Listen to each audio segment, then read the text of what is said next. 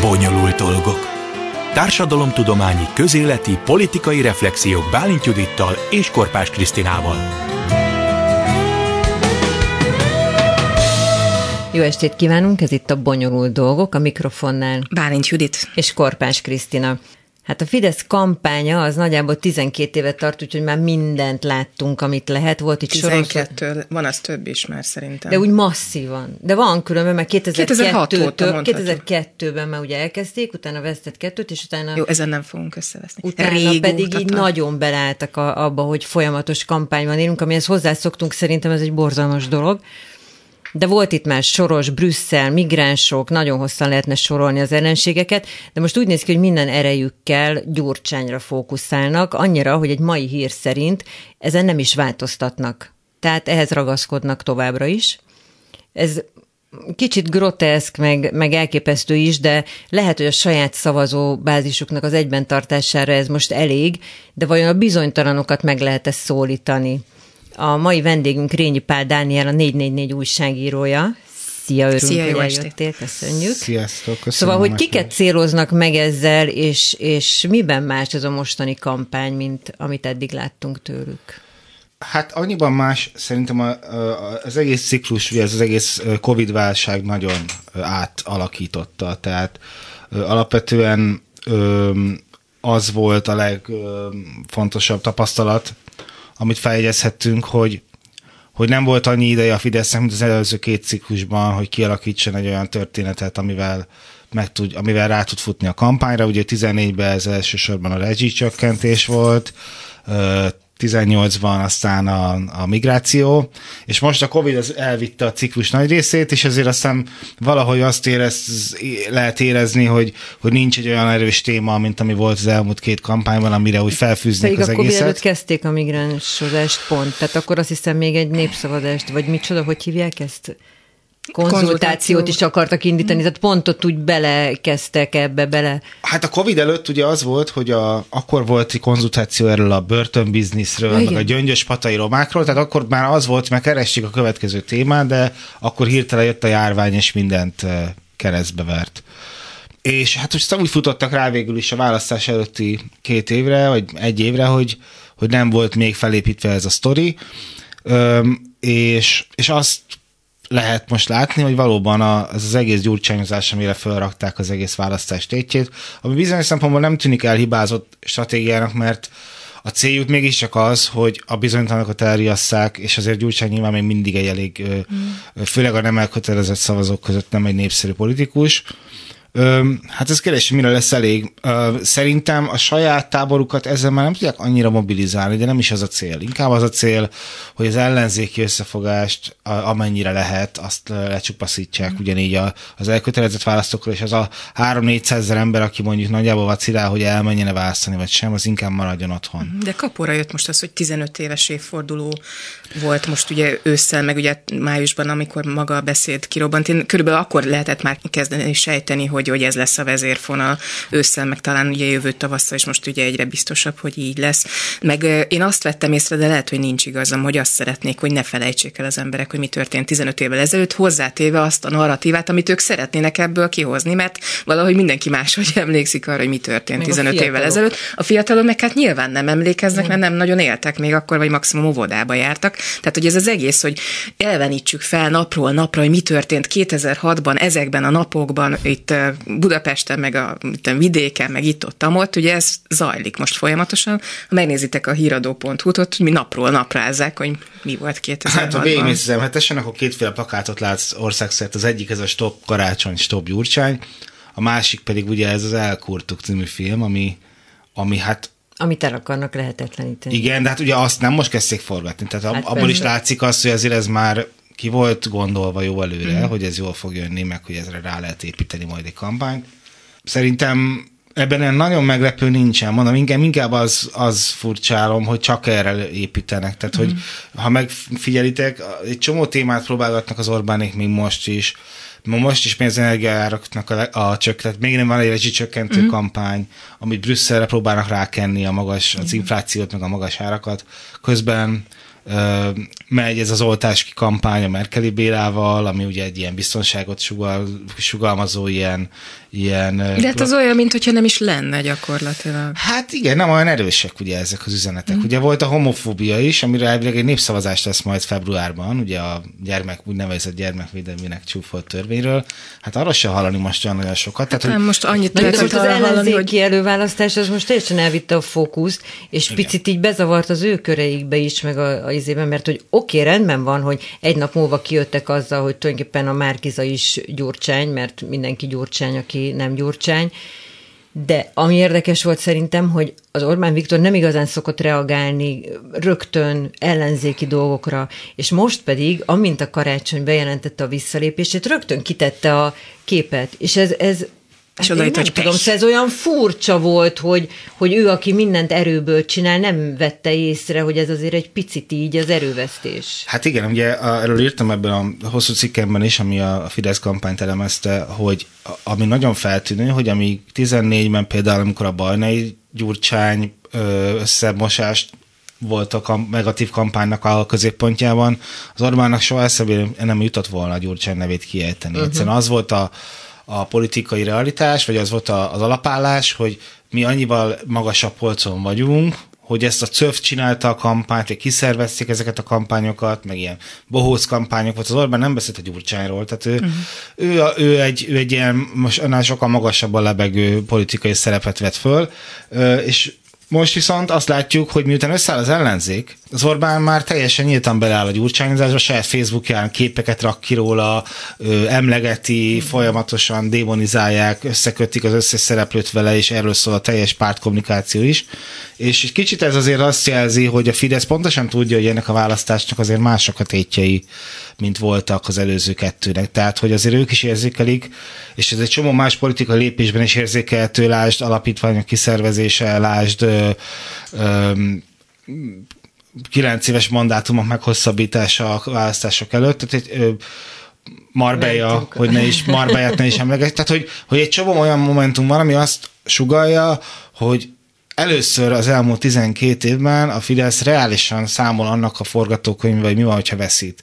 Mm. És ez, ez azért feltűnő, és mondjuk nem ez szerintem nem jelent, nem jelenti azt, hogy ez hogy az ellenzék esélytelen, vagy esélyesebb lenne, mint a kormány, sőt, ha fogadni kéne, még mindig a kormányra tennék, de de azért valamit jelez, azért valamit az ő realitás érzékelésüknek a megváltozásából ez is jelez. De szerintetek, bocsánat, csak egy kérdés még a Gyurcsányról, hogy hogy jön össze az, hogy egyrészt megy ez a gyurcsányozás, másrészt meg az elmúlt napokban elkezdték Dobrevet dicsérni. Tehát aki eddig csak Gyurcsányné volt, konkrétan úgy jelent ja, meg, igen, hogy Gyurcsányné, most pedig Dobrev Kláraként, mint egy létező lehetőség arra, hogy a baloldal megtalálja a vezetőjét. Abszolút, hát a Magyar Nemzetben tegnap volt egy hosszú cikk Igen. címlapon. De hogy, hogy, hogy fog ez... Hát, Hát ugye úgy, hogy most még öt napig Dobrev Klára a, a Fidesz favoritja. Majd ha Dobrev megnyeri az előválasztást, nyilván akkor hirtelen újra egy Gyurcsányné lesz. Hát ugye ez viszonylag egyszerű, hogy ebből látszik az is, hogy a Márkizajra nem készültek fel. Hát meg, hogy nekik Gyurcsán kell. Uh-huh. Tehát, hogy az egész kampányuk a Gyurcsán van felépítve, és azért az, hogyha Márkizaj megnyeri ezt az előválasztást, amire hát szintén nyilván van esély, a, azt azért rettentő nehéz lesz eladni, hogy a Stop Karácsony, Stop Gyurcsány után a saját feleségénél is ö, jobb, alkalmasabb jelöltnek találja majd Gyurcsány a de megtörtént a stop karácsony, stop gyurcsány. Hogy? De megtörtént a stop karácsony, stop gyurcsány. Hát igen. szóval azért szerintem Szerintem ezt, ezt nehéz lesz becsomagolni. Igen. Ez, ezért egy problémát jelent a Fidesznek, hogyha így alakul, és azért ez különösen a fényében, hogy még ugye Jakab Pétert is hogy lőtték folyamatosan, minden parizerezés, meg nem tudom én, az összes fideszes frakcióvezető helyettes, őt... Igen, őt, egy kicsit úgy, úgy tűnik, hogy, hogy mint hogyha elszámolták erre volna. nem készültek, de hát mm. hozzáteszem, Mista, sokakat meglepett, Igen. tehát nem lehet azt mondani, hogy ez papírforma volt. Uh-huh. Hát érdekes, érdekes lesz. Írtad a cikkedben, egyébként az a 444 október 4-én jelent meg, hogyha van kedvük, akkor keressék meg és olvassák el, majd be fogjuk tenni a linket a műsorunkról szóló Facebook cikkbe. Szóval abban azt írtad, hogy, hogy az egész Fidesz kampány az egy kézben van, és hogyha bárkit megkérdezünk, hogy vajon hogy nézhet ki ez a nem tudom milyen boszorkány konyha, ahol a, a Fidesz gondolatok kialakulnak, akkor tényleg így sokan ugye még először tudtuk, hogy volt a Finkelstein, aztán a Habony, de most meg már csak a Rogánról van szó, hogy ez az egész mögött ő áll. Én úgy tudom, hogy neked vannak komoly forrásaid ott a környéken, hogy, hogy tényleg ez úgy néz ki, hogy mindent Rogán Antal irányít? Hát ugye formálisan mindenképpen. Ugye sok tanácsadó mozogott a Karmelita, mozgott igazából inkább az elmúlt években a Karmelita környékén. Ugye Finkesten is ilyen volt, bár ő már korábban meghalt, Habony Árpád is ilyen, ugye, de ugye formálisan mindig a Rogán volt a kampány főnöke, hiszen ő a kommunikációs minisztérium vezetője, ő az, aki dönt a különböző állami és alapítványi kézben lévő médiatermékek finanszírozásáról, a kreatív koncepciókat ő rendeli meg. Tehát alapvetően mindig is az ő kezében futott ez össze, de hát sokan ott voltak körülötte, akik ezt a munkát segítették, és most az látszik, hogy nagyon lecsúpaszodott az a stáb, és hogy tényleg a Rogán, akit azért ne felejtsük el, hogy a Rogán, ugye 2006-ban már ő volt a kampányfőnök, tehát hogy azért itt ül tapasztalat is felhalmozódik, és most ezzel nem akarom őket szembe dicsérni, csak, csak nyilván az is van, hogy azért az Orbán is, aki már 30 plusz éve a politika első vonalában dolgozik, nyilván szüksége van külső megerősítésekre, véleményekre, de ezzel olyan olyat neki nehéz mondani. Mm. Van egy pár figura, akiről kevesebbet beszélünk, pedig fontosak azért, ugye itt van a Gyürk András, vagy a Kubatov Gábor, akik a kampány operatív megvalósításában, irányításában fontos szerepet játszanak, de a kulcs az itt valóban a kreatív oldal, és azt, az, az, az a Rogán és az Orbán. Mm. Orbán egyébként maga is ebben a munkában, tehát hogy nem az a lebegő típusú miniszterelnök, aki, hanem ő egy mikromenedzser, tehát hogy azért ne gondoljuk azt, hogy amikor ezeket az üzeneteket mi olvassuk, azokat nem, azokat ő nem olvassa át, vagy nem, mm, nem pont nem. Hát mm. persze. Sőt, szerintem egyébként proaktívan részt is vesz. Hova lett Habonyárpád? Hát az az igazság, hogy nehéz ezt megmondani, mert ezek a figurák tehát persze mindig beszélnek róluk emberek, akik ott vannak a közelben, de az ember nem akar úgy tenni, mint hogyha maga is ott lenne a közelben, nem tudom. Tehát azt lehet tudni, hogy kevesebbet van ott kevesebb, kevésbé vesz részt az operatív munkában, de biztos, hogy ötleteléseken ott van, tehát nem azt mondom, hogy kivonult a rendszerből, csak amíg mondjuk korábban nagyon, nagyon gyakorlatiasan, vagy nagyon a tűz közelben dolgozott, ez most általában nem így van. És Rogán az hogy maradt ilyen közel? Mert voltak pillanatok, amikor úgy nézett ki, hogy azért neki így egy kicsit kijebb áll a szekere. Igen, tehát hogy félrerakták, amikor a helikopter balhé kiderült, nem csak akkor a már feleségei elő... kapcsán is ugye nagyon sok olyan dolog volt, ami miatt egy kicsit úgy éreztük, hogy lehet, hogy kiebb kerül ebből. De nem csak akkor, már előtte nekem legalábbis úgy emlékszem, hogy ő elég elkezdett egy ilyen saját hangot használni még egy 10-15 évvel ezelőtt a parlamentben, hogy akkor lett polgármester. Tehát ez olyan volt, mint hogy egy kitették volna, hogy jó, akkor most inkább itt nem, viszont kapsz egy olyan pozíciót, ami majd talán befogja a szádat, amikor már így történt, mert tökéletesen kiépítette ott a karriert is elkezdte, de hogy mi ez a ami miatt mégis ott. Szerintem csak látszólag van itt ellentmondás, mert ugye valójában hát a, a Rogán egy ilyen egy bulvár politikusként indult, ha emlékeztek, ő volt ez a Fidesznek az egyik első ilyen harsány szóvivője a Szijjártó előtt, aki aki aztán a, a bulvár médiában is karriert futott, főleg belvárosi polgármesterként, aztán frakcióvezető lett, és aztán egy annyi botrány volt körül, ő nagyon ambiciózus volt, tehát hogy ő, róla De ő szerette ezt a szereplést? Hát ő nagyon, ő, ő, ő miniszterelnök akart lenni. Tehát ez, Na, ezt mondom, hogy akkor került Neki ki nagyon komoly onnan. ambíciói voltak, Igen. csak egyszerűen azért a Fidesz kormány alatt ö, annyi ügye kerekedett, már ugye belvárosi polgármesterként is, Igen. aztán most letelepedési kötvényektől kezdve sokkal lehetne sorolni, helikopterig, hogy nagyon megtépázta őt ez, de ez a, e, tehát az, hogy ő, hogy ő a nyilvánosságban nem szerepel annyit, ettől valójában politikailag csak ér, értékesebb az mm. Orbán számára, hiszen a munkát ő végzi el. Tehát, mm. hogy az, hogy hogy neki nem kell uh, napi 40 Instagram sztorit kiraknia, mint Varga Juditnak, ez nyilván egy, mert egy más politikai szerepben van, más az ő munka értéke, mint, mint mondjuk azoknak a politikusok. Ő az, aki megszervezi ezeket a nyilvános dolgokat, de neki nem kell ott lenni az előtérben, hiszen neki pont az a dolga, hogy kitalálja ezeket a kreatív koncepciókat, és ezt keresztül verje a rendszeren. Úgyhogy igazából az Orbán számára még talán azért egyrészt a tapasztalat, miatt rendkívül értékes, a másik pedig az, hogy valójában Rogának az ambíciói már nem tudnak tovább nőni. Tehát, hogy azért mm. azt szerintem ő belátta, hogy hogy, hogy ebben lesz. a karrierben, hát nem, nem egy népszerű nem. politikus. Tehát egyszerűen az van vele, hogy nagyon jó használható, nagyon fontos, az Orbánnak elképesztő hatalma van, tehát most nem csak a kommunikációra gondolok, hanem egy csomó olyan üzleti területen is van neki befolyása, hogy most csak egy példát mondjak, az összes informatikai beszerzés az ő kereszt, kezén megy keresztül, tehát az is a kabinet irodában van, tehát óriási hatalma van, de egyszerűen olyan alkat és olyan múltja van már most politikusként, hogy nem kell tartani attól mondjuk a miniszterelnöknek, hogy adott esetben a Rogán valamiféle belső koalíciót építene vele szemben, tehát ez nem, ez nem egy reális veszély, és éppen miatt aztán sokkal bátrabban meri maga mellé emelni és, és használni, és a legfontosabb embere. Tehát a kormányban nyugodtan kijelenthetjük, hogy hát jó, mondjuk nyilván Pintér Sándoron kívül. Mm. És ott volt egy törésvonal közte és a Lázár között, nem? Hát igen, de ezt az Orbán elég ügyesen igen, menedzseli mindig, hogy most ügyes. a Lázárt hátradugta, de most, most az van plegyka arról, hogy majd a Lázárt hát majd újra előveszi. Vagy, igen. Vagy igen, ugye akkor az volt, hogy a Lázár volt a miniszterelnökséget vezető miniszter, és akkor hirtelen maga mellé vette a Rogánt az Orbán, ugyanarra a szintre. Ugye ez a Simicska Valhé után volt, amikor az összes állami költést össze kellett szervezni, és akkor ez a Rogán feladatát, és akkor Lázár nagyon, hát emlékeztek, hogy akkor a Lázár az puffogott is, hogy hát akkor én lemondok, hát én ezt nem fogom megtűnni. Tehát, hogy voltak ezek az üzengetések.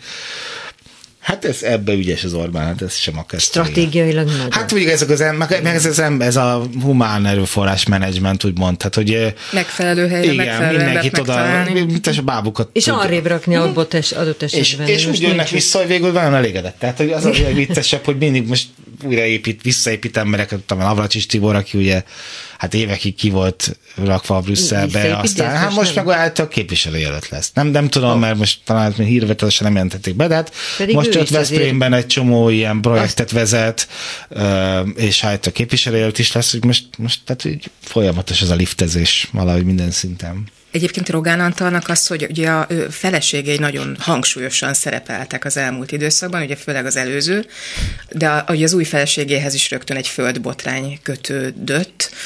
Ez mennyire tépázza meg, vagy egyáltalán nem számít az, hogy, hogy ő, ő nagyon elmentünk ilyen politikai bulvárba, de szerintem érdekes kérdés, hogy, hogy lehet-e leválasztani valakiről a társát, hogy pláne, hogyha most úgy hozunk egy ilyen nagyon durva párhuzamot, tehát szegény Dobrev Klára se tudja a Gyurcsány Ferencet magáról leválasztani, választani, akárhogy igyekszik, de hogy, hogy Rogán Antal le tudja választani magáról azt, hogy ilyen nagyon hangsúlyos, vagy, vagy legalábbis ilyen érdekes választásai voltak. Tehát, hogy ez megbocsátható?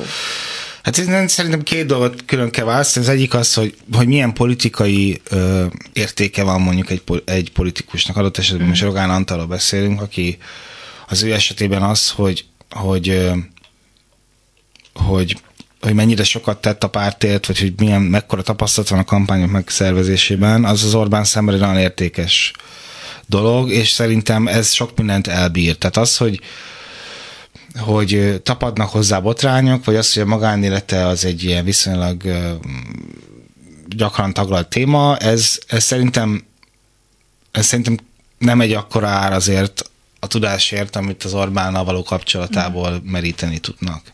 Nyilván azért más is, mert ugye a, az előző felesége az végső soron, ugye hát ő azért a politikában egy, hogy mondjam, tehát az üzlet, üzleti érdekeltségé révén azért ő egy politikai szereplő is, szereplő is lett, és azért az új barátnője, vagy felesége Rogának, igen, itt volt ez a földű, de hát ezt, én azt a nőt ugye nyilvánosan még nem láttuk Persze. szerepelni, tehát hogy Miközben... azért látszik, hogy, hogy ez azért kicsit úgy más, hogy van már mellett, mert Rogánon is azért azt lehet érezni, hogy Hát ő nem keres ilyen nyilvánosságot, tehát hogy nem, azt nem lehet mondani, hogy ő erre kifejezetten vágyna. Mm.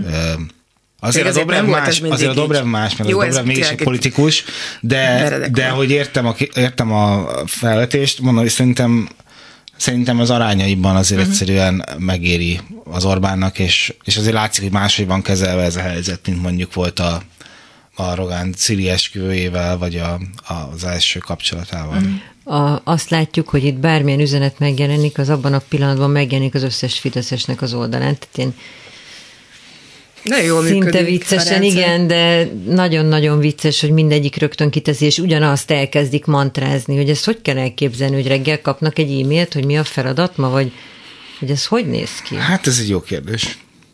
Nagyon szívesen olvasnék egy ilyen e-mailt én is. Biztos van egy automatizmusa is, de egyébként az a legérdekesebb szerintem. Nyilván eh, ennek vannak szintjei, de hogy ez a fajta állandó kommunikációs készenlét és állandó ö, ismételgetése az üzeneteknek, ez egy olyan, tehát valójában a politikai munkának ez a jelenleg jelentősebb része. A legtöbb politikussal szemben ez az elvárás. Nem az, nem Hogy az, az elvárás, hogy döntéseket hozzanak, vagy szervezeteket működtessenek, hanem hogy reprezentáljanak. És ez ugye az ilyen fideszes influencereknél épp így megfigyelhető, mint a, a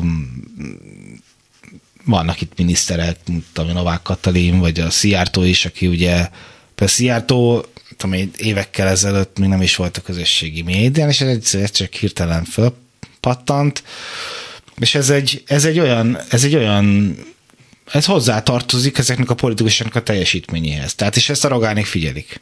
Tehát az, hogy ki, hogy kommunikál, mennyi embert ér el, ez ugyanolyan fontos része a munkának, mint az, hogy nem tudom, milyen szervezeteket működtetsz, vagy milyen döntéseket hozol. De ez annyira, nem tudom, olyan frusztráló lehet, hogy annyira egyformák, szegények. Tehát, hogy minden ugyanaz van, ugyanaz az üzenet, ugyanaz a, még a design is ugyanaz, hogy, hogy én azon gondolkoztam, hogyha én fideszes politikus lennék, hogy ezt meddig bírnám elviselni. Cél, hogy, a cél, hogy, az lebeg a szemüket. Na igen, de most az a cél, hogy ezt még négy évig csinálhassam. Jó, oké, hogy közben Hát mellette. jó egzisztenciális, sok pénzt keresek, de hát akkor meg is. hatalom, mert ugye igen. Tehát valójában ez a munka, amit el kell végezni. Tehát És ez a borzasztó, hogy voltak éppen ez a munka, mert hogy az, hogy én közben megszavazok néhány, nem tudom én, előterjesztést, hát pontosan. ki a fenét érdekel. Így van, pontosan. Tehát, és ezért aztán nyilván ezek az emberek pénzt és hatalmat kapnak ezért cserébe, de hát meg kell dolgozni érte, és a munka az ebben a világban az így, így ölt alakot.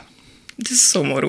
Hát ebbe élünk, igen. És most ugye valószínűleg eléggé kapkodnak, mert nem csak az, hogy a Márki Zaj lépett a képbe, de az ellenzéki előválasztás, hogy most leuralta a közhangulatot. Tehát minden arról szól, ha tetszik, ha nem, és ők is csak igazodni tudnak. Igen, de nagyon fut, érdekes a megfigyelet, hogy milyen egészen görcsösen azonnal reagálnak mindenre. Igen. Tehát le van gyártva egy csomó kreatív, ha megfigyeled, ez a gyurcsányozós videók, a Márkizajjal, meg tehát tényleg az volt, hogy már az eredmény után egy-két órával kim voltak ezek a filmek. Tehát megcsináltak előre Meg persze, ezeket. persze, és azonnal, mert azonnal értem, ugye azonnal értelmezni kell a történéseket a sajátjaiknak, ugye uh-huh. erről szól Nincs ez baj, cikk. erről- uh. Hát, hogy uralni kell a pillanatot, tehát ugye ez, ez egyfajta, aki ek- ekkora hatalma van, és ilyen régóta vezet egy szervezetet, vagy, vagy kontrollálja a közvéleményt, a médiát, a politikai, az államigazgatás, stb., az megbénul, amikor hirtelen azt, azzal találkozik, hogy nem, most mi az, hogy nem tudom, nem, nem vagyok valamire hatással, nem tudom irányítani az eseményeket arra, miről legyen szó. Tehát megpróbálják folyamatosan értelmezni azt, ami történik. Ez tényleg egyébként nagyon érdekes tapasztalat, és, és szerintem számukra is új, de azért, ö, és amikor írtam ezt a cikket, akkor nekem is nagyon erősek voltak ezek az érzéseim. Most azért azt látom, hogy ez nem fog örökké tartani, mert ugye vége van az előválasztásnak hamarosan, lesz egy eredmény, és akkor utána egy új mérkőzés kezdődik. Tehát, hogy azért a kampányban ez már nem lesz annyira erős, tehát az, ez csak, ez csak arra, akarom, arra akarom kifutatni az ellenzéknek, hogyha meg lesz a lista vezetője, jól teszi, hogyha nagyon gyorsan elkezd kitalálni valami, mert hát ugye egy kampányt föl kéne építeni, azért uh-huh. ugye azt ott megegyezni a listákról, listáról, igen, az nem kampány, listáról, akkor utána összeülni, kommunik, közösen kommunikálni egy ilyen kiélezett helyzet után, szóval azért lesz itt feladat, nem lesz ez annyira sétagalop, úgyhogy... Hát nem, és vannak, ahol működnek ezek a dolgok, és, és, de nem tudom, hogy nálunk ez mennyire fog, mert itt a két tábor, hogyha most itt az előválasztásról beszélünk, az olyan szinten van vérig sértődve már most a másikra, hogy én nem is tudom, mi lett volna, hogyha Jakab Péter az egyik, tehát hogy így akkor így nagyjából senki nem megy el, tehát hogy akkor lettünk volna, tehát az ember addig gondolta, hogy persze jól van ez így, itt van ez az öt ember, majd a mögé állok, aki ott a izé, amíg ki nem derült, hogy Ki igen, a állni. végén mégiscsak marad valaki, és az egyáltalán nem biztos, hogy nekem tetszik. Tehát az ellenzéknek most az is nagy feladata lesz, hogy azt a tábort, akit most mozgósítottak, azokat betereljék egy helyre. Hát, igen, ráadásul ugye az a legviccesebb az egészben, hogy azt hiszem, hogy az Ungari Krisztián írt erről valamelyik nap, hogy hogy valójában olyan őrült jelentősége nincs is annak, hogy ki győz. Hát, na ez Hiszen, de és nem, nem, nem abban az értelemben nincs, hogy abban az szempontból van jelentősége, hogy, hogy mondjuk a bizonytalanok hogyan fognak erre reagálni, de abban a szempontból, hogy a végén most ki lesz ez a miniszterelnök, és aztán adott Ugye. De megszoktuk ezt, a, ezt, a, ezt az egyszemélyes, tehát szerintem így az Orbán által nem érkezett Lehet. országban élünk, és azt gondoljuk, hogy ha egy ember ott van, akkor az határoz meg mindent. És bele se bírunk abba gondolni, hogy egy demokráciában azért ez mégiscsak hát úgy egy. Hatpárti koalíció, egy hat, azért az nem lesz egy sétagalop, tehát ott, ott igazából nem olyan nagyon, nem olyan nagyon jó buli miniszterelnöknek lenni, tehát igazából azt is lehetne sugallani ezzel az előválasztással, hogy ennek a jelentősége azért korlátolt. De hát sajnos, a, nem sajnos, de hát a politikának a természete olyan, hogy, hogy az érdek, az önös érdekek azért mindig előtérbe kerülnek a végén. Azt hiszem, hogy ezt is írta az Ungvári, hogy szó szerint, hogy, hogy ha Dobrev lennék, akkor már kizajra szavazni. Uh-huh. Mert ugye, hogy valójában a DK lesz egy frakció, a Márkizajnak pedig nem lesz frakciója, és miközben a Márkizajnak ugye látszólag nagyobb esélye van a bizonytalanok megszólításával megnyerni a választást, ezzel kvázi megnyerhetni a választást a baloldalnak a Márkiza, mm. és aztán amit egyébként meg a DK többé-kevésbé tudna dominálni, szóval van egy ilyen gondolatmenet is. De, de, de valóban hát itt ez egy nagy feladvány, és egyébként abból a szempontból, hogy ha innen nézzük, még akkor a balhé nincs is. Tehát azért azt nézzük, hogy hat párt van, hát ezért erről azért lehetett számítani, most már nem tart nagyon sokáig. Igen, vagyunk mi szokva attól, hogy az emberek vitatkoznak egymással, és a vitába ugye meg bele tartozik, vagy beleférhet az is, hogy mondjuk ez nem annyira szép. Én azon gondolkoztam, ugye beszéltünk mi már ebben a műsorban arról, hogy egy Orbán típusú embert egy másik Orbán típusú ember tud legyőzni, de hát ugye ott van mögötte a Rogán Antal, aki az egész kommunikációt viszi. Feltételezem, hogy Rogán Antal szemben is egy Rogán Antalnak kellene állni az ellenzék oldalán, hogy azt a kommunikációs gőzhengert, amit a Rogán a saját oldalán meg tud csinálni, azt meg tudja csinálni az ellenzék oldalán, és te látsz ilyet, ismersz ilyen embert, aki ezt az ellenzék részéről meg tudná oldani? Tegnap beszéltem édesapám, ugyanezt a kérdést tette fel, és, és egyébként jogos, tehát hogy valóban mert hogy ez lesz a következő lépés, hogy akkor most kell egy kampányt csinálni, ezt valakinek meg kell szerveznie. Nem tudom. Szóval nem tudom. A, a, most írtam abba, a, a, arra sem mernék, nem vagyok az ellenzéki oldalnak annyira nem ismerem annyira most a személyi összefüggéseket, de hát hogy az biztos, hogy... módszerekkel neki menni annak a tényleg annak a lehengerlő módszernek, amit a Rogán alkalmaz, lehet -e annak valami más az ellenszere? Mert tényleg most szakpolitikákkal előjönni és beszélni arról, hogy hogyan kellene menni, a zöld kérdéseket megoldani, meg nem tudom, az adóügyekkel foglalkozni, az szembe tud állni az az egy mondattal, stop gyurcsány. Szerintem ez nagyon jól látod. Én azt gondolom, hogy nem. Tehát, hogy az biztos, hogy kell, kellenek fókuszok egy kampányhoz. Tehát valami, vagy ügyek, vagy olyan, vagy olyan üzenetek, amik, amik ami lehet az infláció, lehet a fudán, tehát lehet, hogy szimbolikusabb, mm-hmm. lehet egy, de hogy kell neki valami irányt szabni. Nyilván nem, nem, ne legyünk nagyon naívak, tehát azért alapvetően ez egy stop Gyurcsány, stop Orbán kampány lesz, tehát Igen. nyilván az ellenzék is azt fogja elsősorban kommunikálni, hogy ebből elég, de hát, hogy miből elég, azt azért ugye nem árt, hogyha az embernek van ott három sarokpontja, hogy nem tudom, ilyen elszámoltatás, jogállam, stop korrupció, akármi, mm. vagy nem tudom, nyugat, tehát, hogy lehet egy csomó olyan üzenetet, nem akarok többeket adni, de hát biztos vagyok benne, hogy itt azért ezt le kell valahogy egyszerűsíteni uh-huh. ahhoz, hogy, hogy ez átmenjen. Nehéz kérdés, az biztos Nagyon. ráadásul egy csomó olyan ügy volt, amiben azt gondoltuk, mi ugye mondjuk kevéssé Orbánisták, hogy abba biztos, hogy bele fog bukni a kormány, vagy legalábbis a népszerűségét biztos, hogy meg fogja rengetni. Igen. Az utolsó ilyen nagy, nem is tudom mi volt, ilyen reménysugár, ez a Pegazus botrány volt. Egyébként ott volt először, hogy azt éreztem, hogy nincs kész kommunikációs stratégia arra, hogy ezt hogyan kell kezelni. Nem tudom, emlékeztek el. Igen, egy ilyen két-három napig úgy igaziból fogalmuk nem volt, hogy hogy mit kellene erre reagálni, na de igaziból nem történt sem. Hát ugye de után, utána dobták be a, a, a népszavazást. Igen. A, a gyermekvédelmi népszavazást, ami ami hát mondom, az elvileg ugye esedékes lenne februárban. Én hát most ugye én azt olvasom, hogy lehet, nem. hogy egyszerre lesz a, a választással. Tehát most készül egy előterjesztés, hogy egy, egy napon legyen egy, egy igen? igen, tehát uh-huh. hogy egyszerre legyen a lehet, választásokkal. Lehet. Simán lehet. Miért nincsenek botrányok? Szóval igazából ez Vannak a kérdés. a naponta jön ki olyan, amiben más országban, nézzétek meg a kurcot, tehát nem kellett bizonyíték, hanem a gyanúárnyéka kellett, hogy rávetődjön ahhoz, hogy levonja azt a következtetést, hogy akkor itt nézi. Itt nem, hogy a gyanúárnyéka vető rá, hanem egy gyanú alatt Rajta fekszik, de tényleg. És ehhez képest semmi nem történik. Tehát hatházi Ákos naponta hoz elő egy olyat, amiben országok mennek tönkre, és mindenki úgy éri tovább az életét, tehát úgy megszoktuk azt, hogy ez így hozzátartozik az életünkhöz, hogy emberek lopnak, csalnak, hazudnak, hogy erre nem lehet felépíteni egy stratégiát? Tehát, hogy ezek szerint ebben nem vagyunk elég érzékenyek? Lehet, hogy ez egy tévedés lenne erre fel. Szerintem nem erről van szó, szerintem arról van szó, tehát hogyha visszaemlékeztek például a Gyurcsány korszakra, akkor, ahol mondjuk a Fidesz volt a domináns ellenzéki párt, a Fidesz mindig ezt csinált, hogy volt egy ügy, és akkor össze tudták terelni a jobb oldalt, és csak azt lőtték ez teli, és akkor kiállt mindig a Szijjártól, meg a Rogán, és nem, nem mentek el addig a nem tudom én milyen minisztérium erről, amíg a sőtöri lakomát nem tudom, ki nem nyomozták, hogy mekkora hogy mi mindent tettek össze ott a szocialista potentátok, és akkor, és akkor ezt nyomták, nyomták a sajtójukba, és ugye ez egy ilyen, egy ilyen központosított, nagyon centralizált, már akkor nagyon centralizált, hangosnak kell lenni, csak azt nyomni, csak az üzeneteket, és és egyszerűen az van most, hogy, hogy a Fidesz annyira túlnyerte magát 2010-ben, úgy szét tudta forgácsolni az ellenzéket, hogy nem tud akkora nyomás keletkezni. Ez ugye két okból van. Az egyik az, hogy nagyon sok párt hogy, hogy, hogy töredezett a, a, az ellenzék, a másik pedig a média nyilván, hiszen Persze, a médiának egy jelentős részét elfoglalták. Hát azért emlékezzetek vissza, hogy azért 10-be, 11-be azért voltak itt még nagy balhék, szóval nem az volt, hogy tehát ez tényleg lehet gyalulva a nyilvánosságnak, egy nagyon jelentős része. Ez sőt, tehát ugye ha azt veszük, akkor mondjuk amikor a 2010 előtt, én még nem emlékszem, hogy a Facebooknak, meg az ilyen közösségi oldalaknak ekkora szerepe lett volna.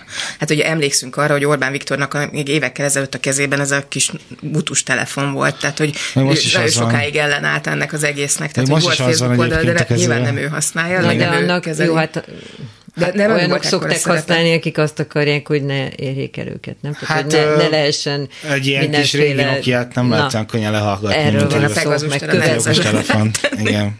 De mondjuk ez a széttagozódás, amit mondta, hogy ebben is nagyon jó stratégiának kell lenni, aki most megnyeri az ellenzéki előválasztást mert szeretem, amikor azt mondják Fideszesek, hogy ja Istenem, most mindenki összeáll, és akkor majd így akarnak nyerni. Hát a Fidesz az egy, az egy cápa, aki lenyelt mindenkit, aki a jobb oldalon volt, konkrétan hát MDF-től kezd, de meg is tette, és meg Igen. is csinálta, és ügyesen maga alá szorított mindenkit. Na de ezt ügyesen csinálta. Tehát erre akkor az ellenzéknek nagyon ügyesen oda kell figyelni, hogy ez, ez nem eshet szét. Tehát én értem, hogy a demokrácia az egy fontos dolog, de mint hogyha egy elszoktunk volna ezektől a vitáktól, és azért mondjuk már egy SZDSZ MSZP is ráment ezekre a vitákra, amik nyilvánosan zajlottak.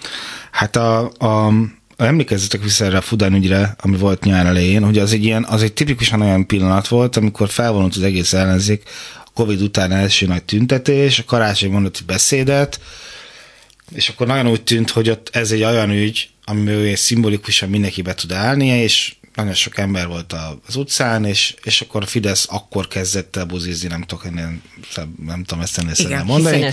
Elkezdték, elkezdték nyomni ezt az iszonyatos homofób kampányt, ami arról szólt, hogy, a Fide, hogy az ellen, nem csak arról szólt, hogy elter, tehát, hogy az ellenzék kénytelen volt másról beszélni. Ugye az hirtelen akartak vinni egy témát, de hát most mit csináljunk, hogyha hát muszáj volt ugye opponálniuk az, és hirtelen szétesik az egész, hirtelen reakcióba kerülsz, tehát hogy nem, nem te nyomod a témát, hanem reagálnod kell arra, hogy a kormány homofób, mert nem tudod... Sőt, a jobbikot ezzel akarták. A jobbikot ugye ráadásul kicsit be is szippantották igen. ezzel egy időre.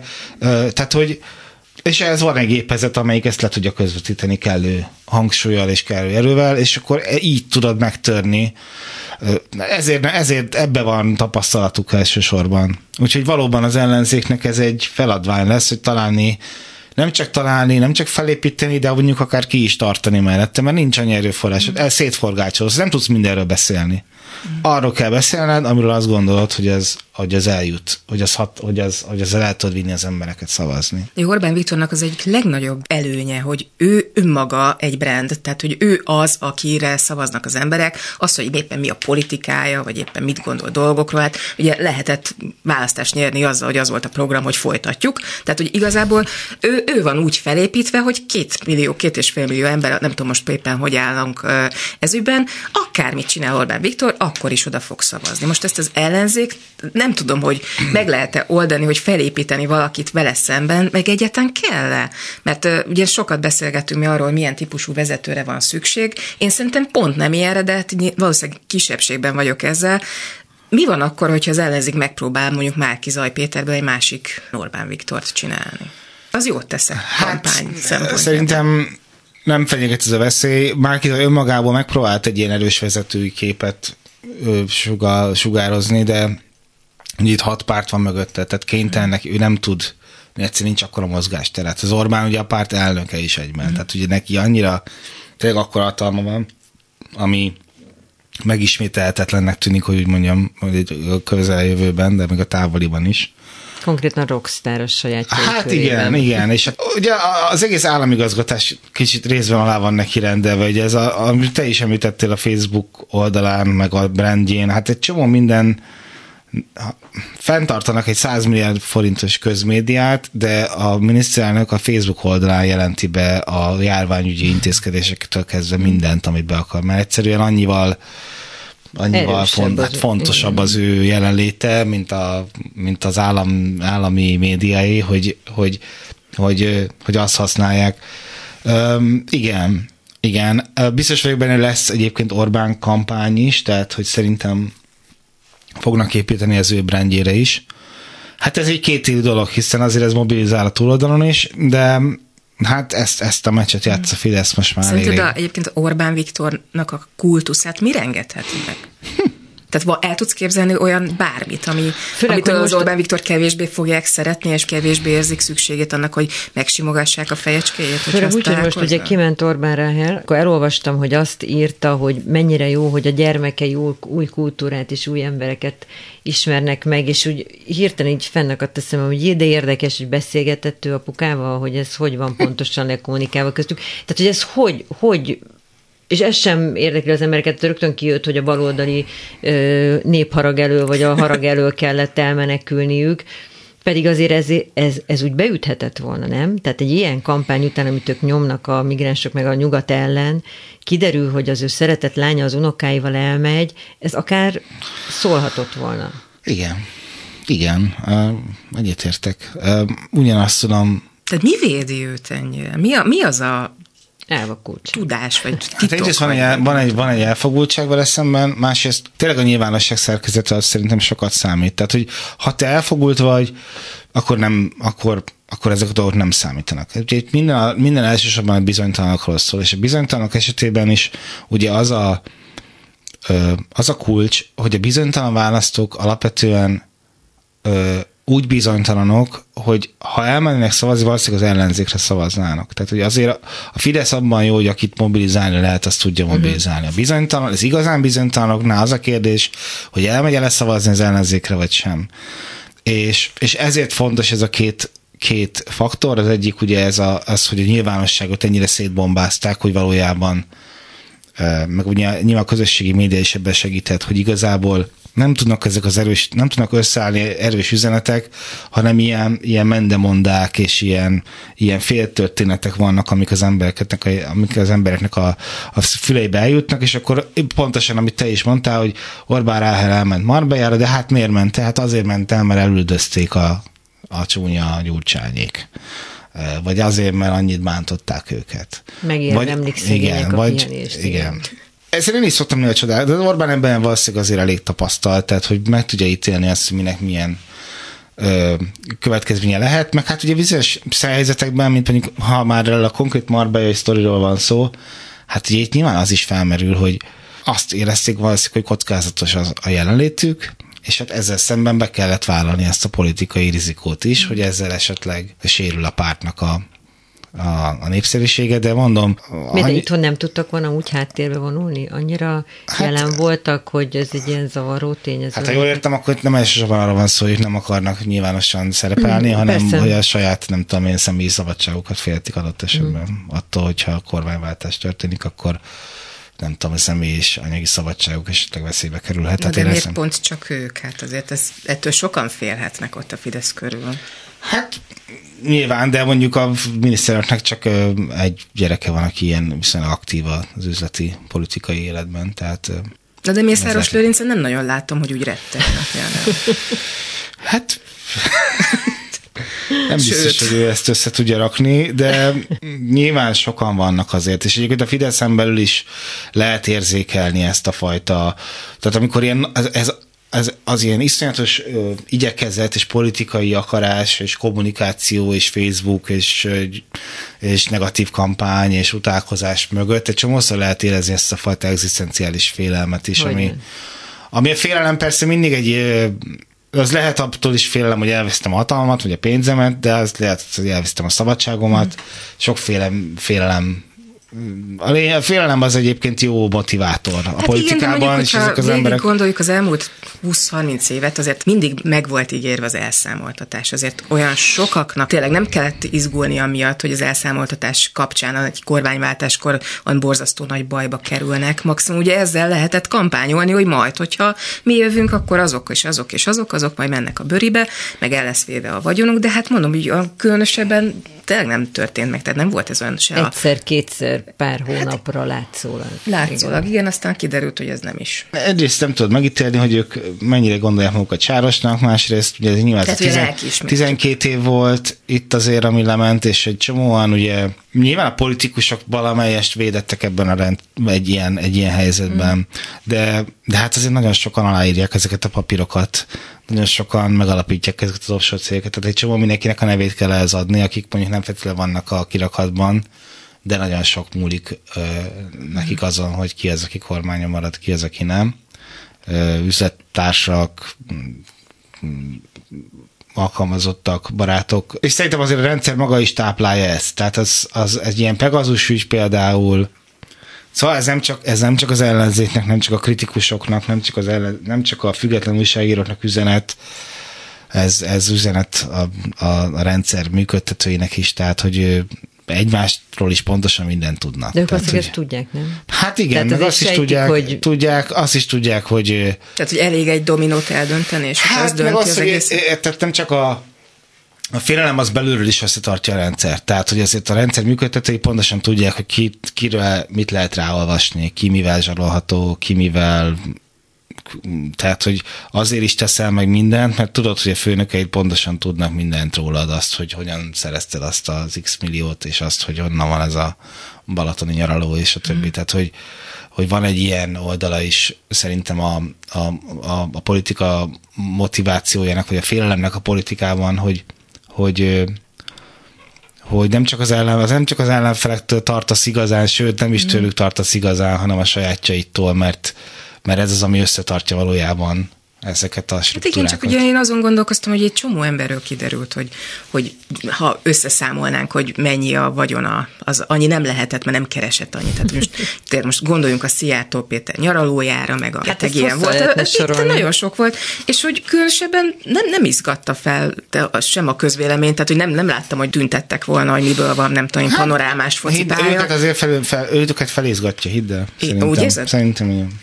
Szerintem igen. Um, tehát azért az ciki, hogyha kiderül, hogy ki hova megy Nem lehet kiszámítani azt, hogy milyen lesz a közvélemény reakció, milyen lesz a reakció uh-huh. akkor, hogyha a kormányváltás történik. Tehát, hogy ez egy, uh-huh. mindig felmerül ez, amikor főleg ezek az alapítványi kiszervezések történtek, meg a, ide a Marbejánál is, ugye, hogy Hát biztos igazából az Orbánék úgy vannak vele, hogy akár veszíthetünk is, hiszen úgyis visszaszerezzük a hatalmat, és egyébként kétségtelen, mivel az, Nekem is veszőparipám. Mivel az összes az stratégiai céget birtokolják, mivel az összes olyan hatóságot uralják, amelyik egyébként a legfontosabb döntéseket meghozza az államigazgatásban, kétségtelen elég könnyen meg tudják bénítani az országot, akár néhány hónap alatt, hogyha ez a terv. De, de ami miatt mégis tehát nem lehet kiszámítani azt, hogyha tényleg történik egy ilyen váltás, akkor arra hogyan reagálnak akár a rendszer korábbi működtetői, a közvélemény, mennyire lesz például ez a népharag tényleg az, hogy akkor most akkor tényleg valakit most már csukjunk le, mert ez, mert ez ilyen, mert tényleg ez azért túlzás, hogy, hogy semminek nincsen következménye, szóval ez sok sokkal veszíteni való, és, és nem is csak feltétlenül az, hogy most bezárnak pár évre, hanem hát ez ki akar bíróságra. Tehát, hogy azért a megszégyenítés is egy, egy, elég rémisztő azok után, hogy mekkora hatalmad volt, és mekkora apparátust működtettél, és hogy Hát főleg itt azért vannak emberek. Mindjárt így, elmozsolok egy kuncsot. Nem akarom, nem, én csak, én, én csak azt akarom, én, én nem, nem sajnálok senkit, én csak azt akartam ezzel, erre akarok rámutatni, ezek az emberek mibe vannak, és hogy... Tehát élethalál harc neki hát gyakorlatilag abszolút, ez a de az, az abszolút azzal teszi a rendszer, mert ez a rendszernek az érdeke. Mm. És hogyha mondjuk Orbán Viktort kiemeljük ebből az egészből, mi marad? Semmi. Ugye? Á, nem lehet helyettesíteni. És a Rogán Antat kiemeljük az egészből? Után... Az jó kérdés. Hát őt azért...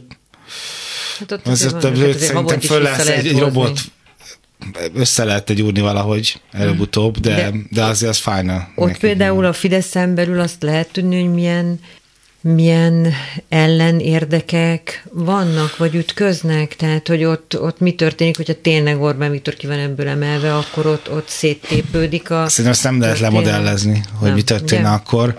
Rengeteg csak ellenérdekek vannak a párton belül, vagy hát...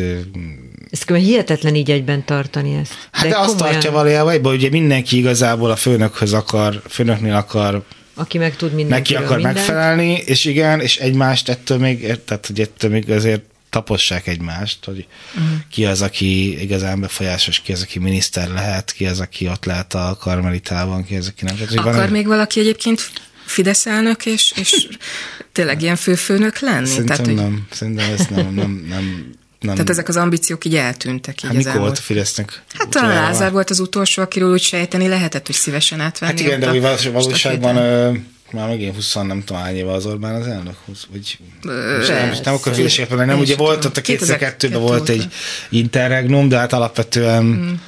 az nem jó üzenet. Szerintem azt senki nem. Hát a Fidesz az Orbán, hát ezt, az, szerintem ezt mindenki el, úgy könyvelik el, hogy a Fidesz az az, az Orbán, Orbán sztoria, mm. tehát biztos lesz utána is élet, de de már nem ilyen. Hát nem ilyen, nem. Meg ugye az, az biztos, hogy nem, egy, nem olyan, az egész rendszer annyira informális kapcsolatokra épül, és informális befolyásokra épül, hogy nem tudod, ezt nem lehet kivenni az Orbánt onnan és berakni valakit a élet, ez teljesen kizárt. Tehát, hogy addig van, addig van Fidesz, ameddig Orbán van. És Orbán Viktor létezhet-e enélkül az egész nélkül? Ezen is gondolkodtam, hogy el tudjuk-e képzelni azt, hogy mondjuk ő leköszön, és azt mondja, hogy én elmegyek, nem tudom én, Persze. egyetemi tanársegédnek. Hát, szerintem nem. nem nagyon. Hát ez a legnagyobb veszélye szerintem egy ellenzéki győzelemnek, hogy ő nem az a típus, aki, aki ilyen nagyon könnyen azt mondja, hogy jó, hát akkor így döntött a nép, akkor mostantól kezdve mi leszünk az ellenzék is. Mert az ellenzékként ők úgy működtek, hogy hát nem biztos, hogy arra annyira vágyom, szóval azért az elég szörnyű volt úgy, ahogy volt.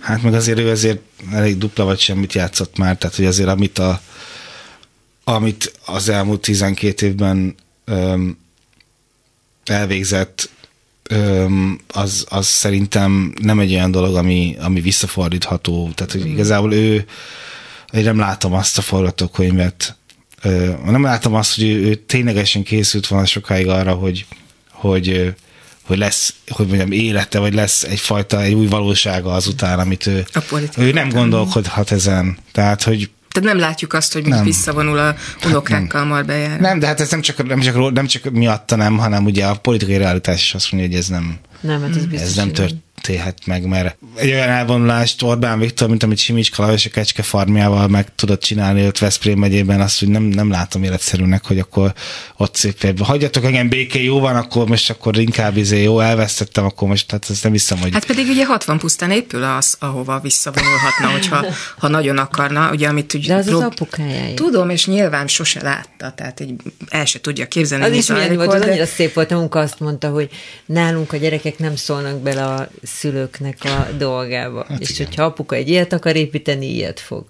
Még egy, még egy másik témát így nagyon gyorsan behoznék, hogy szerinted miért engedték el ezt az egész járványkezelést? Mert úgy néz ki, nem? Tehát, hogy eléggé úgy néz ki, hogy, hogy így le akarja tudni ezzel a, az oltás működikkel, ami már önmagában nem igaz, de mindegy, lépjünk. Tehát, hogy ő ezzel így le akarja tudni, nem akar ezzel foglalkozni. Hát szerintem két dolog van. Az egyik az, hogy ez az oltás működik, ez ugye arra is utal, hogy hát ha nem oltatod be magadat, akkor magadra vesz. Tehát van egy ilyen üzenet is mögötte, hogy oltással tud életben maradni, és aki nem oltatja be magát, az arra nem vigyáz. Arra nem vigyáz, nem tudunk vigyázni. Egyébként Nyugat-Európában, ugye most ma megint felmerül, beszélik, hogy, hogy, hogy, hogy szeretnének sokan újra kötelező maszkviselést, hogy besz, van erről szó. Ami Nyugat-Európában többé-kevésbé azért legtöbb helyen még így van, tehát a tömegközlekedésen, meg boltokban. Na jó, de hát a nyugat az nem ért semmihez sem. De hogy, hogy ami szerintem a, nem tudom, hogy itt hogyan számolnak. Valószínűleg azzal számolnak, hogy nem tud olyan helyzet előállni, mint a harmadik hullámban, hogy tényleg az egészségügy a határára elérkezik, mert hogy ahhoz már túl sok ember be van oltva. Nem tudom, hogy így van-e, ez nem értek. Azt tudom, hogy, hogy, a, hogy nekik nagyon nagyon figyelik az emberek közérzetét, hogy mi az, ami... És azért ez, ez visszahozni a maszkviselést, meg a korlátozásokat nagyon népszerűtlen lenne. Hiába... Pláne választások. Hiába menteni, idézőjelben menteni vele emberéleteket, akik valószínűleg megmentettek lennének, az emberek többség, túlmillió többségére számára ez nem egy népszerű intézkedés, mert ők azon, én be vagyok oltva, most miért hordjak maszkot, miért, nem, miért nincs beoltva mindenki, miért nem kötelező az oltás, stb. Tehát, hogy azt gondolom, hogy egyszerűen ö, ennyire elfáradtak az emberek a Covid-ban, hogy, hogy ezt érzékelte a Fidesz is, és azért is volt aztán a harmadik hullámból a kimenetel annyira hirtelen sürgős, és ugye az oltásokat úgy halmozták, és egyszer elfáradt a lakosság, azt lehetett érzékelni, hogy nagyon megunták ezt a bezártságot, és hogy nem akarták ezt visszajönni. Meg azt is lehetett érzékelni, hogy 30 ezer ember ide vagy oda, az, az úgy igaziból nem osztott, nem szorzott. Ami így ilyen borzasztó ezt így kimondani, de tényleg, tehát hogy én azt gondoltam, hogy, hogy az emberek ettől sokkal inkább föl lesznek háborodva, hogy meghalt 30 ezer ember, de mint hogyha ez így meg se történt volna. Hát nem nagyon nem került tudom, elő, egész... nem nagyon lett a szemükre hányva, hogy talán ha egy kicsit máshogy lett volna kezelve, az egészségügy jobban fel lett volna készülve erre az egészre, akkor lehet, hogy nem kellett volna ennyi embernek meghalnia. Hát jó, de közben megjelent egy ilyen Meseország mindenki könyv. Meg ja, hát igen. Csomó, font, font, csomó fontos dolog, dolog volt, fontos dolgok történtek közben az országban. Igen, de közben azért az meg valamit mutat, és ez meg ellenmond szinte mindennek, amit eddig beszéltünk, hogy egy súlyos bizalmi válságról tanúskodik, ahogy ezt az egész ö, járványkezelést át tudták vinni. Tehát azért egy normálisan működő országban mondjuk elhisszük azt, amit mondanak nekünk azok az emberek, akik ott vannak. És ők is megtalálják azokat az embereket, akik, akik kellően tudják közvetíteni felénk. De hát itt ez egyáltalán nem így volt. Sőt, egy idő múlva egy ilyen bohozattá fajult az egész. Tehát szintén ott a saját, persze, akik nagyon erősen hisznek abban, de volt egyrészt az, aki a tudomány felé fordult, és annak hitt, a másik pedig, aki azt mondta, hogy ez az egész úgy, ahogy van, semmi másról nem szól, mint összeesküvés elméletekről, de olyan nagyon nem sikerült összefogni a társadalmat. Nem mondom, hogy máshol igen, mert ez nagyon nagy probléma volt mindenhol, de hát nekik sem. Nem, de hát ugye egy időt nem is törekedtek erre, sőt, hát már az második, ö, hogy mondjam, nem is az első hullámban is már az volt, hogy a, a felhatalmazási törvénynél ugye kicsereszik az ellenzéket, és akkor hirtelen azt lehetett Igen. mondani, hogy hát itt vírus, víruspárti baloldal, vagy nem tudom mi volt ilyen. A vírusnak drukkolnak. Igen, hogy a vírus, vírusnak drukkolt az ellenzék, aztán ugye lett az oltás ellenes ellenzék. Tehát, hogy valahogy viszonylag gyorsan visszataláltak ahhoz a klasszikus politikai logikához, amiben ők jól érzik magukat. Tehát, hogy nem volt egy De pillanatra ugye... se volt az a céljuk valahogy, hogy, hogy ez egy olyan ügy legyen, ami, ami nemzeti egységet teremt. De valahogy az volt az érzésem, és ez nem biztos, hogy így van, mint hogyha az Orbán Viktornak ez is ugye az erővel nem fért volna össze. Tehát a tudomány ez egy ilyen kiszámíthatatlan dolog, ma ezt mondja, holnap azt mondja. És neki szerintem ez egy teljesen kiborító dolog volt, hogy ő állandóan odaül, és az ellenkezőjét mondja annak, amit az előző nap mondott, és folyamatosan ezzel azt lehet mondani, na persze, tegnap előtt még nem volt kellett maszk, ma meg már kell maszk, és szerintem ő ebből így ki akarta vonni magát. Tehát volt így... is, igen, és voltak is ilyen idézetek, emlékszem, akkoriban írtam pár ilyen összefoglaló cikket, és emlékszem, hogy beszélt így az orvosokról, meg a tudósokról, hogy ki, mi, ki van, aki hisz nekik, van, aki nem. Tudod, hát hogy igen, a Karikó ilyen... Katalinból is ugye volt a nemzeti kincsből lett az asszonyság, aztán utána Igen, szóval egy ilyen, igen, volt szerettem. egy ilyen kettős kommunikációja ebbe, hogy hát igen, hiszünk is nekik, meg, meg nem is, meg néha igazuk van, néha nem. Um, igen. Van tipped egyébként arra, hogy, hogy például a jövő évi választásokon milyen eredmény lesz?